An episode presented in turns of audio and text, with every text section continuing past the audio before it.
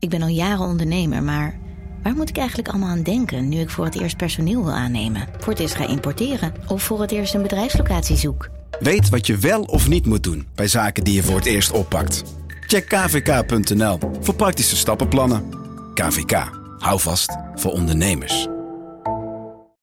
Al 125 jaar kwaliteit voor jou thuis met Miele. Dat vieren we met jou. Ontvang nu tijdelijk een cashback tot 125 euro op veel Miele-apparatuur. Geniet van de kwaliteit van Miele. Voor perfect verzorgd wasgoed en kleding die veel langer mooi blijft. Voor een stralend schone vaat, even perfect als jouw diners. En een stofvrij thuis waarin echt hygiënisch schoon de standaard is. Check miele.nl voor alle feestelijke aanbiedingen. Vanaf de redactie van NRC het verhaal van vandaag. Mijn naam is Thomas Rup.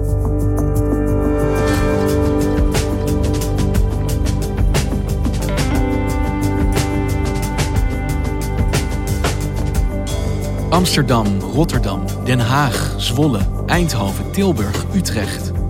De afgelopen weken zijn tienduizenden Nederlanders de straat op gegaan om te protesteren tegen discriminatie, uitsluiting en racisme. NRC sprak met verschillende van hen over hun eigen ervaringen. Wat maken ze mee en hoe kijken ze naar dit moment? Dit zijn hun verhalen.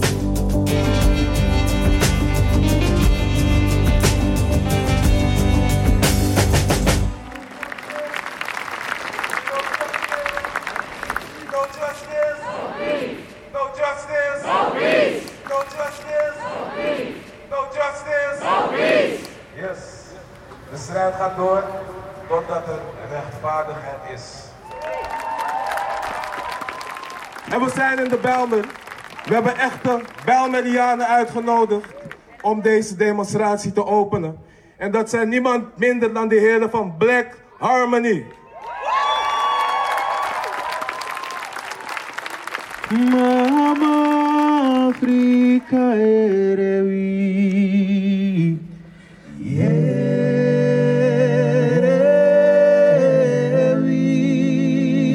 Ik ben Giorgio Hokstam, 29 jaar en ik woon in Noordwijk aan zee, vlakbij het strand. Het aantal incidenten, dat, eh, ja, dat, is, dat zijn er een hele hoop wel. Eh, Ja, waar moet ik beginnen?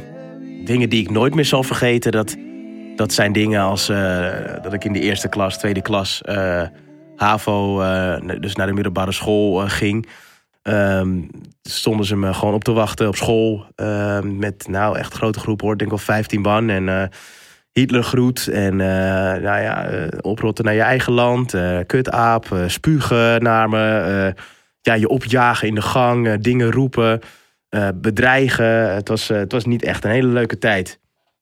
Wat ik ook niet snel zal vergeten en wat me ja, vooral op een latere leeftijd nog echt wel heel, heel erg heeft geraakt, was het feit dat ik in een voetbalteam zat met toch oh, ja, overwegend eh, veel witte jongens.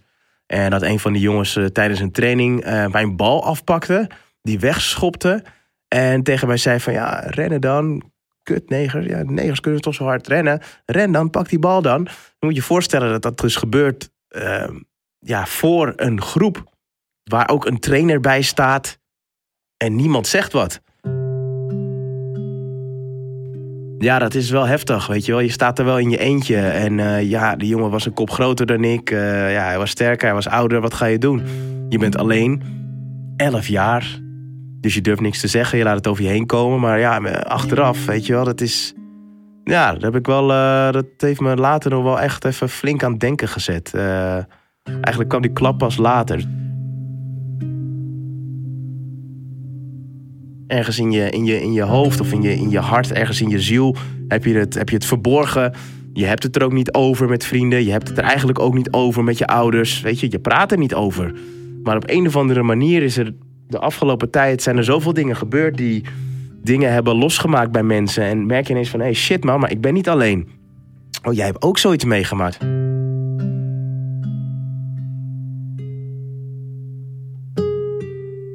Mijn naam is Sandra Doevenans, 36 jaar en ik woon in Amsterdam. Ik ben statenlid voor de provincie Noord-Holland voor de Partij van de Arbeid. Nou, ik ben geboren in Sri Lanka, Colombo. En ehm, ik ben geadopteerd, dus ik ben opgegroeid in Amstelveen. in Nederland. En ik, ben, uh, ik woon nu al jaren in Amsterdam. Mijn adoptieouders zijn wit. Uh, echt uh, oer-Holland. Mijn vader komt uit de Borgenstraat in Amsterdam. en mijn moeder komt uit uit de Pijp in Amsterdam. Ja, zelf zie je je eigen kleur niet natuurlijk als je gewoon aan het bewegen bent. Dus eigenlijk dacht ik altijd dat ik wit was. Tot ik weer een spiegel zag. Of tot ik reacties van anderen hoorde. Dat ik dacht, oh, ik ben helemaal niet wit. En zeker in de jaren tachtig was het natuurlijk heel erg dat alles om je heen ook wit was. Dus ja, ik wilde gewoon een witte Barbie zijn, want die waren mooi. Ehm, dus het werd, het werd wel een ding van dat je dat heel graag wilde zijn, omdat dat was wat je zag. Het was eigenlijk steeds dat de ander besefte of benadrukte dat het dan niet zo was. En dat beeld werd eigenlijk pas duidelijk toen ik een jaar of 16 was. 15, 16 jaar. En toen werkte ik in Amsterdam in een, uh, in een restaurant. En daar merkte ik pas van, oh, ik hoor er helemaal niet bij. Ik zat in met een aantal uh, collega's en een, ja, was gewoon een multicultureel uh, team. En ik weet nog dat ik met een vriend van me in de, in de tram zat, Hassan. En hij zat een verhaal te vertellen en hij had het over tata's en coolies. En, en ik dacht opeens, oh, ik ben helemaal geen tata. Hoe hij het verhaal vertelde, hoorde ik niet bij die tata zijn. En eigenlijk bij het opgroeien gebeurde dat ook wel vaak. Dat je ergens bent en dat je wordt de zwarte. Of uh, kinderen toen ik klein was die me dan vroegen van... Uh, ben jij Zwarte Piet of ben je familie van Zwarte Piet? Uh, het was zelfs zo op een gegeven moment... Ja, ik hou heel erg van om grappen van dingen te maken. Dat is een beetje mijn, mijn verdedigingsmechanisme. Dus op een gegeven moment was... Ik zat in groep vier, denk ik, vijf. En er was een kind die vroeg dus ook van... ja, ja, maar ben je dan familie van Zwarte Piet? En zei ik, nou, nee, dat niet. Maar ik moet wel elke week in een bad met bepaalde verf... dat mijn huid zo blijft. En ze geloofde dat ook echt. En, en, en eerst vond ik het leuk. En dacht ik, oh, dit is grappig dat je iemand zo voor de gek kunt houden. Maar later werd het ook wel een beetje dat ik dacht, het is best wel gek dat je eigenlijk denkt dat mijn huidskleur, ja, dat dat echt zo anders is dan die van jou.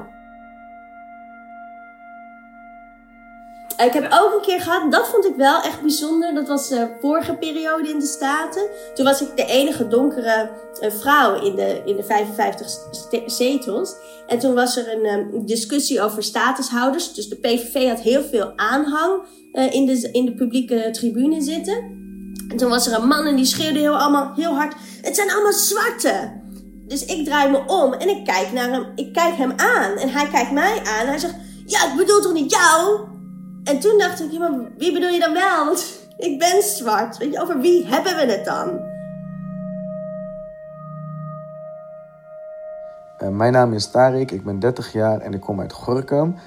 Uh, ik liep na een avondje stappen uh, met mijn vrienden richting huis. Ik had het drukke uitgaansgebied al verlaten. En op het moment dat ik eigenlijk al bijna thuis was, stuitte ik op een agente. Die vorderde mij uit het niets om door te lopen. Nou, um, ik vond dat best vreemd, want ik liep al. Um, maar uh, ik reageerde niet op haar. Dus ik liep gewoon door. Ik denk dat ze dat blijkbaar niet leuk vond, want uh, ze duwde uiteindelijk duwde ze me in mijn rug. ik had dat niet door, ik, ik, schrok er heel erg van en, en ik zei daar ook wat van. Ik zei van, joh, moet je luisteren. het is niet, niet normaal dat je zomaar iemand in zijn rug duwt. Nou ja, eh, ik kon eigenlijk al bijna niks zeggen, want ik deed al wat fout. Eigenlijk ben ik een stukje gaan rennen, want ik dacht, ik wil gewoon even uit deze situatie zijn. Wat gebeurt er aan het eind van de straat? Stuit ik op haar collega's. Nou ja, die collega's die houden me staande. Uh, en ik moest mee naar het bureau. Nou ja, ik geboeid tegen de auto. En die agenten dus die mij vorderden, die kwam ter plekke. Wat ze toen vervolgens deed, was... ik stond geboeid tegen de auto aan, met mijn hand op mijn rug. Gaf ze me vier, drie à vier klappen uh, in mijn zij. En uh, zei ze van, vieze vuile kanker Marokkaan, wie denk je wel niet dat je bent? Ik wist even niet uh, waar ik in beland was. maar gelukkig kwam haar collega, die corrigeerde haar. een wijkagent vanuit, vanuit de binnenstad, die, ik kon die ook. Dus ik, ik, ik was heel blij dat hij haar corrigeerde en die heeft het verder opgepakt. Dus ik ben met, uh, vervolgens ben ik met haar naar het bureau gereden. Uh, en moest ik daar eventjes, uh, eventjes blijven. En later kwamen er weer andere agenten en die zeiden: oh, Meneer, u mag naar huis.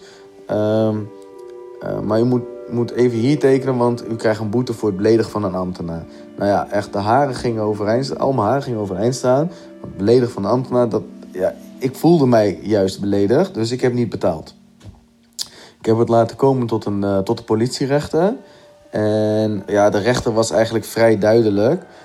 ja, hij gaf aan uh, meneer, als ik mijn agenten niet meer kan geloven, wat is het rechtssysteem dan waard? Dus ja, ik was, was vrij jong, kon daar niet echt een duidelijk antwoord op geven. Ik heb de boete geaccepteerd. Maar over het politiegeweld en uh, het racisme naar mij toe hoorde ik, hoorde ik hem vrij. en voor hoorde ik hem niet meer over. Ik ben Jacquini Wisselink, ik ben 21 jaar oud en ik woon in Amsterdam. Het besef dat ik anders werd behandeld op basis van mijn huidskleur kwam al best wel vroeg. Um, in eerste instantie denk ik onbewust. Ik kan me nog één moment heel goed herinneren dat um, er was zo'n uh, poppenkastvoorstelling. Toen was ik denk ik een jaartje of misschien acht, denk ik ongeveer. En bij die podcastvoorstelling toen vroeg de, uh, de soort van uh, begeleider, die vroeg van... Uh, wil jij het prinsesje zijn? En toen zei ik tegen die begeleider, nee, want er zijn geen bruine prinsesjes, die bestaan niet. Dat was denk ik wel een moment dat ik me bewust was van mijn huidskleur en hoe die gerepresenteerd werd. Um, en ik weet nog heel goed in groep 8 ook ik deed heel goed op school. Ik was niet een Einstein of zo, maar ik haalde altijd gewoon, gewoon prima cijfers. En uh, de docenten bleven steeds zeggen van... oh, Jacquini die is echt een dromertje. Ik kreeg soms ook opmerkingen van... oh ja, je moet thuis meer Nederlands spreken... terwijl dat gewoon de voertaal was. Uh, of van die dingen van, oh Jacquini, je moet thuis misschien iets vaker de krant lezen. Wat ik ook gewoon heel vaak met mijn moeder deed. En steeds kreeg ik van de docenten best wel lage adviezen. En ik denk dat je ongeveer VMBOT kan doen. Als je heel erg je best doet, dan uh, kan je misschien HAVO halen. Terwijl mijn cijfers gewoon altijd zeiden HAVO-VWO. En toen in groep 8, toen kreeg ik een uh, docent, meester Peter. Ik ga hem nooit vergeten. En hij zei, weet je, ik ga alleen kijken naar jouw resultaten... en niet wat al die oudere uh, docenten zeiden. En toen zei hij van, nou, weet je, je resultaten zijn gewoon HAVO-VWO. Dus je krijgt gewoon HAVO-VWO. En uiteindelijk heb ik ook na een jaar gewoon uh, ben ik naar VWO gegaan. Ik heb dat gewoon netjes binnen de zes jaar afgerond. Um, maar toen, op de, toen zeg maar in groep 7, groep 8, toen merkte ik echt best wel duidelijk een patroon.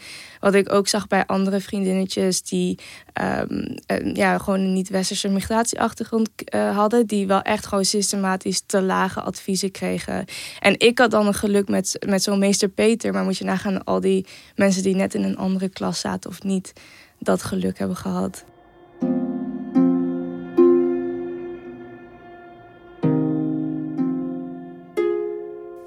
Eén iets wat heel erg veel invloed op mij heeft gehad als persoon was um, niet zo lang geleden, ongeveer een, jaar terug denk ik. Toen um, had ik een item opgenomen met NOS op 3.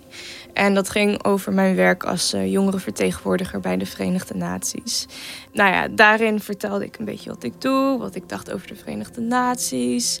En ze lieten een stukje van mijn speech zien. En in die speech had ik het over. Um, ik spreek met duizenden jongeren uh, elk jaar. En wat ik heel erg merk is dat er heel veel jongeren zijn die echt uh, aangeven dat ze structureel worden buitengesloten. Bijvoorbeeld um, door, op de stage, stagemarkt. Ik omschreef de ervaring van heel veel jongeren die bijvoorbeeld etnisch geprofileerd wordt als een soort gevoel. En ik denk dat heel veel mensen dat zouden kunnen interpreteren als iets wat niet per se feitelijk waar is of iets wat echt legit is. Terwijl het wel gewoon echt zo is en dat er gewoon heel veel gegevens zijn om dat uh, te ondersteunen. Dus op dit moment zou ik het heel anders hebben verwoord. Toen NOS op 3 dat item gepublished had, ik had het echt niet verwacht, maar ik kreeg honderden op honderden op honderden reacties. Sommige ook echt heel goed, maar heel veel ook echt die zeiden: ja, ga terug naar je eigen land. Gewoon heel veel racist slurs. Oh, je bent er alleen voor mensen van kleur, dit, dat. Dat vond ik wel echt heel lastig. Ik vraag jullie om al je energie te geven, mee te doen met de sprekers Zodat wij samen duidelijk kunnen maken aan heel Nederland en heel Amsterdam. Dat Amsterdam, de Belmen, vandaag zegt genoeg is genoeg. Black lives, black lives, all black lives, black queer lives, black trans lives, all black lives. We are strong. We will rise. We will win. We will kick out sweat the beat. We will kick out racism. Black lives matter.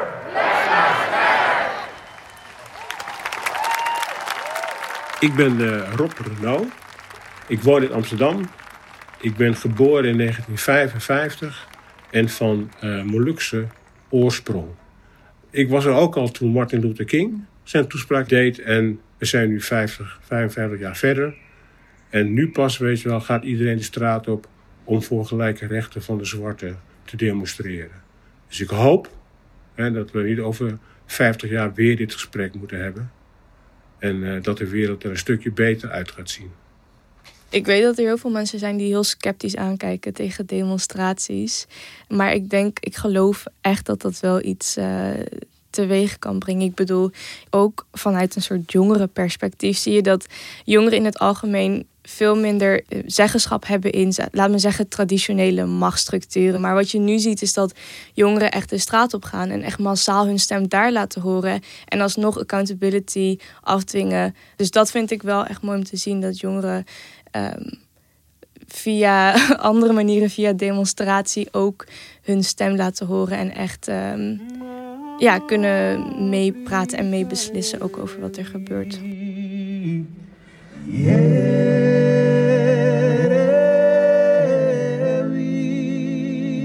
Mijn naam is Siam Said, ik ben 19 jaar. Ik kom uit Eindhoven. Ik heb zelf deelgenomen aan drie protesten in Eindhoven, Rotterdam en in Amsterdam. En eh, ik zal gaan naar de volgende die er is. Want ik vind het gewoon belangrijk om mijn stem te laten horen. Hoe meer mensen, hoe meer animo, hoe meer er iets mee gedaan wordt.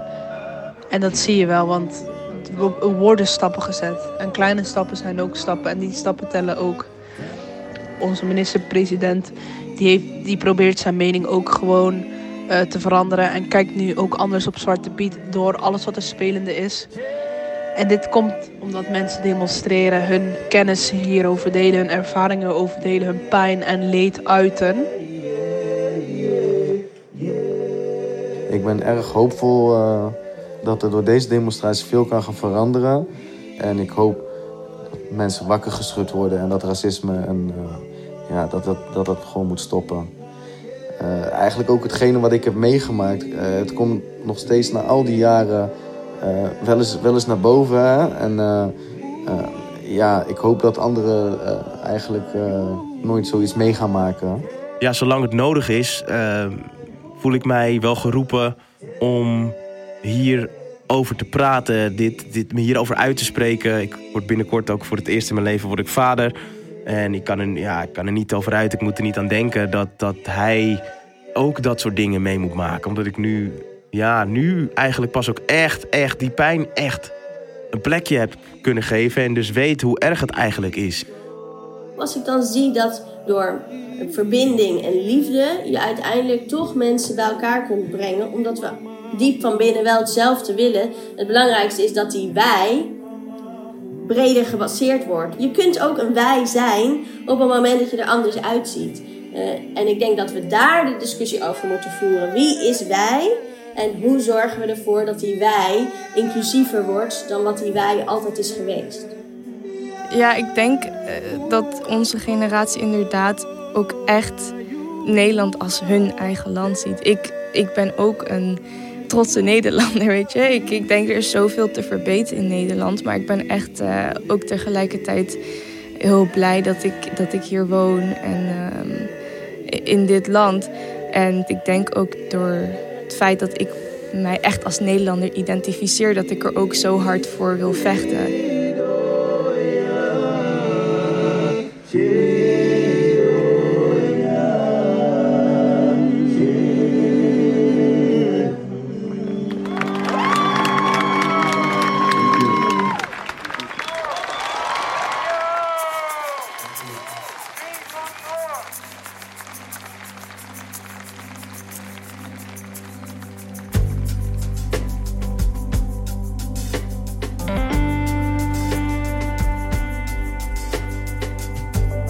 Luisterde naar vandaag, een podcast van NRC.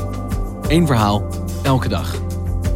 Deze aflevering werd geproduceerd met hulp van Juliette Vasterman, Sabrine Ingabire, Sarah Ouwekerk, Hanina Agerai, Shaila Kamerman en Milou van Rossen. Dit was vandaag, maandag weer.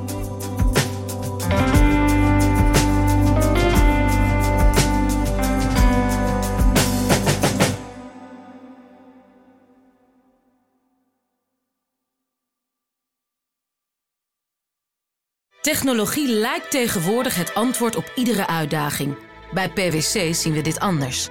Als we de potentie van technologie willen benutten, kunnen we niet zonder een menselijk perspectief. Human-led, tech-powered noemen we dat. Ga naar pwc.nl.